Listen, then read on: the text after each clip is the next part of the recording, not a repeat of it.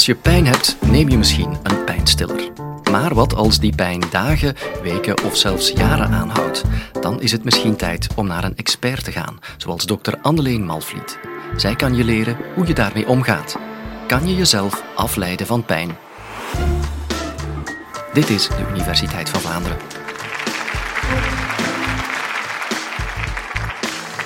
Kan je jezelf afleiden van pijn? Ja, in zekere zin wel. Denk maar aan zo'n immens drukke dag waar je de hele tijd met allerlei zaken bezig bent en pas wanneer je je s'avonds rustig in de zetel zet, valt je oog op een wondje dat je blijkbaar al een hele tijd op je hand had. Het is pas wanneer je dat wondje ziet dat je de pijn voelt, terwijl dat wondje er mogelijk al enkele uren was. Hoe komt het dat je toch pas dan die pijn voelt? Of denk maar aan die wielrenner die deelneemt in de Tour de France en die na een spectaculaire val met kleerscheuren en bebloed terug op de fiets springt en die etappe toch nog finisht. Achteraf hoor je dan dat hij toch de Tour heeft moeten verlaten omwille van te erge kwetsuren. Hoe is het mogelijk dat hij die etappe nog kan finishen, maar daarna blijkbaar toch te veel pijn heeft? Wij denken namelijk dat schade en pijn dat dat synoniemen zijn. Dat wanneer er schade is in ons lichaam, dat we automatisch ook pijn hebben. En omgekeerd, wanneer we pijn hebben, dat het een teken is dat er schade is. We zien pijn als een alarmsignaal, als een teken dat er iets misgaat. Nu, blijkbaar is dat toch niet altijd het geval dat pijn en schade synoniemen zijn. En om dat duidelijk te maken, moeten we het hebben over het zenuwstelsel. Het zenuwstelsel dat kan je vergelijken met elektriciteitskabels die overal in ons lichaam lopen. Dat kan gaan van hele kleine elektriciteitskabels die we gaan vinden bijvoorbeeld in onze vinger, tot echt heel dikke elektriciteitskabels, bijvoorbeeld een duimdik in ons bovenbeen.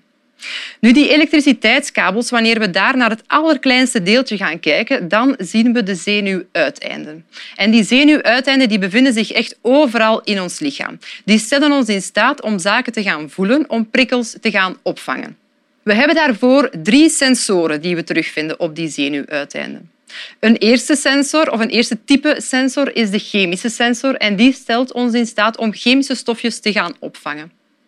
Een tweede sensor zijn de temperatuursensoren. Die stellen ons in staat om extreme warmte tot extreme koude en alles daartussenin te gaan voelen. Die stellen mij bijvoorbeeld in staat om aan te voelen of het hier vandaag warm of koud is. Een laatste sensor zijn dan de mechanische sensoren. Die stellen ons in staat om druk en beweging te gaan voelen. Ik moet bijvoorbeeld niet kijken naar mijn arm om te weten dat ik die nu aan het plooien ben en nu aan het strekken ben. Of als ik met mijn knie tegen een tafel stoot, dan zijn het ook mijn mechanische sensoren die mij dat vertellen. Nu, wanneer er voldoende prikkels op die sensoren komen en die een bepaalde drempel overschrijden, dan wordt er een gevaarboodschap gevormd. En die gevaarboodschap wordt dan via die elektriciteitskabels naar het ruggenmerg en via het ruggenmerg naar de hersenen gestuurd. Dus dat ruggenmerg dat zorgt voor de verbinding tussen ons lichaam en de hersenen, maar daar gebeurt ook iets speciaals. Het ruggenmerg werkt namelijk als een soort van volumeknop en die kan de gevaarboodschap versterkt of net verzwakt gaan doorsturen naar het brein. Vervolgens komt die gevaarboodschap toe in ons brein en daar is het niet één centrum dat, gaat, dat die gevaarboodschap gaat bekijken. Nee, die gevaarboodschap wordt doorgestuurd naar verschillende centra. En die centra gaan samen die gevaarboodschap gaan evalueren en gaan beslissen of er pijn is, ja of nee. Je hoort het goed, het is dus ons brein dat beslist of er pijn is.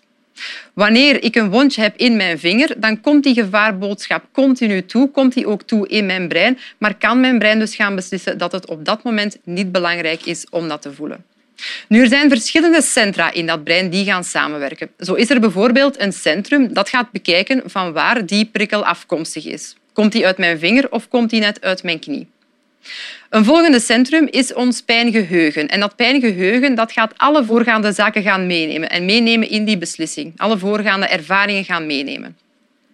Een laatste centrum dan is bijvoorbeeld het centrum dat alle emoties rond pijn gaat meenemen. Hoe ik mij voel, gaat mijn pijnbeleving dus gaan beïnvloeden.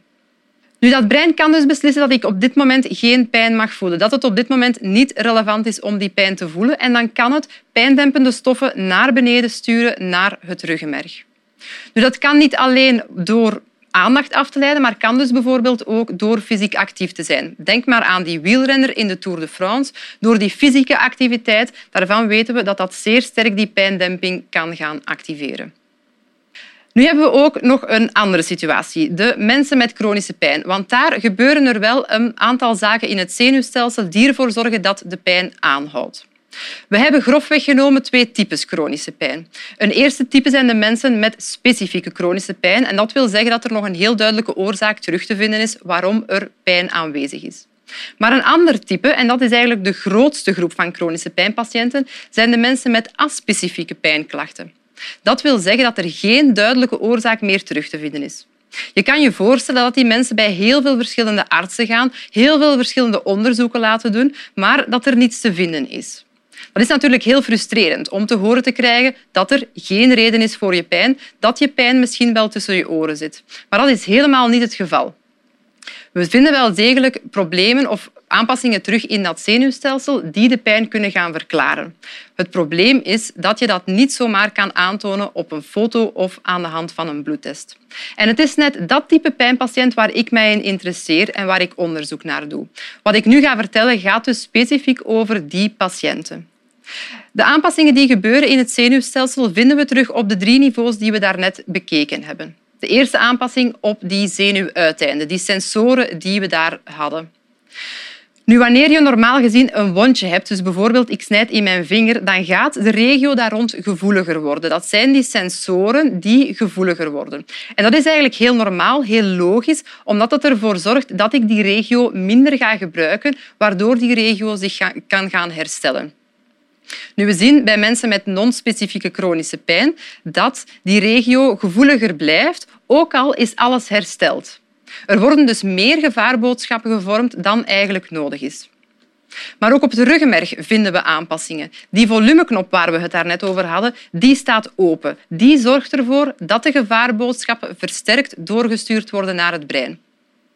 In dat brein komen die versterkte boodschappen toe, maar we hebben ook een brein dat nog eens extra getraind is om die boodschappen te gaan verwerken. Die verbindingen tussen die hersengebieden die zijn extra getraind, extra geoefend en je kan dat vergelijken met het uit het hoofd leren van iets. Wanneer je iets heel vaak herhaalt, dan worden die verschillende gebieden en de verbindingen tussen die gebieden ook extra getraind. En normaal gezien is dat een goede zaak, maar bij chronische pijn zorgt dat ervoor dat prikkels die binnenkomen eigenlijk bijna automatisch gelinkt worden aan pijn. Dat zorgt ervoor dat bewegen ook als pijnlijk wordt ervaren, terwijl dat natuurlijk helemaal geen gevaar inhoudt. De vraag is nu, hoe kunnen we dat gaan aanpakken? Hoe kunnen we die chronische pijnpatiënten gaan helpen? Een logische reactie zou zijn dat we een pijnstiller nemen. Nu, een pijnstiller heeft natuurlijk op korte termijn wel effecten, maar je kan je voorstellen dat wanneer je dagenlang, wekenlang, maandenlang of zelfs jarenlang pijn hebt, dat een pijnstiller geen soelaas zal bieden en dat we andere manieren moeten zoeken om deze mensen te helpen. Nu, het hangt een beetje af van vanuit welke discipline je kijkt naar chronische pijn, welke oplossing je daarvoor kan bieden. Nu, ik heb het graag over de kinesiotherapeutische aanpak, omdat ik zelf kinesitherapeut ben van opleiding.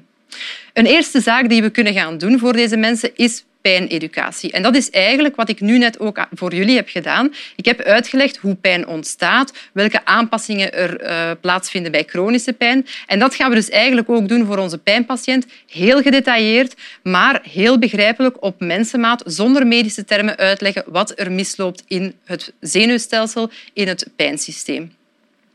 Dat zorgt ervoor dat het dreigingsniveau van pijn vermindert en dat mensen opnieuw kunnen gaan bewegen of opnieuw zich beter, zich aangenamer voelen bij het gaan bewegen. Want dat bewegen gaat net een heel belangrijk aspect ook zijn. Het zal je niet alleen afleiden van pijn, wat dan natuurlijk positief is ook voor die volumeknop in ons ruggenmerg, maar bewegen gaat, denk maar opnieuw aan die wielrenner, ook ons pijndempend systeem gaan activeren.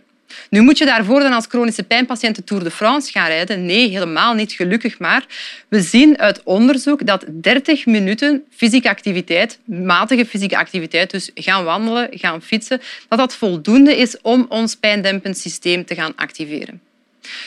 Dus om af te sluiten, kan je jezelf afleiden van pijn? Ja, in zekere zin wel, theoretisch wel. Maar puur die kennis is natuurlijk niet voldoende voor onze chronische pijnpatiënt. Want als ik aan jou zou vragen, denk niet aan een roze olifant. Aan wat denk je dan?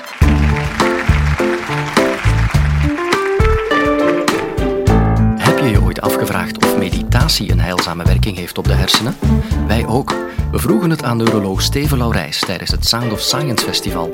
Beluister zeker dit interessante interview met als titel Kan meditatie je hersenen helpen?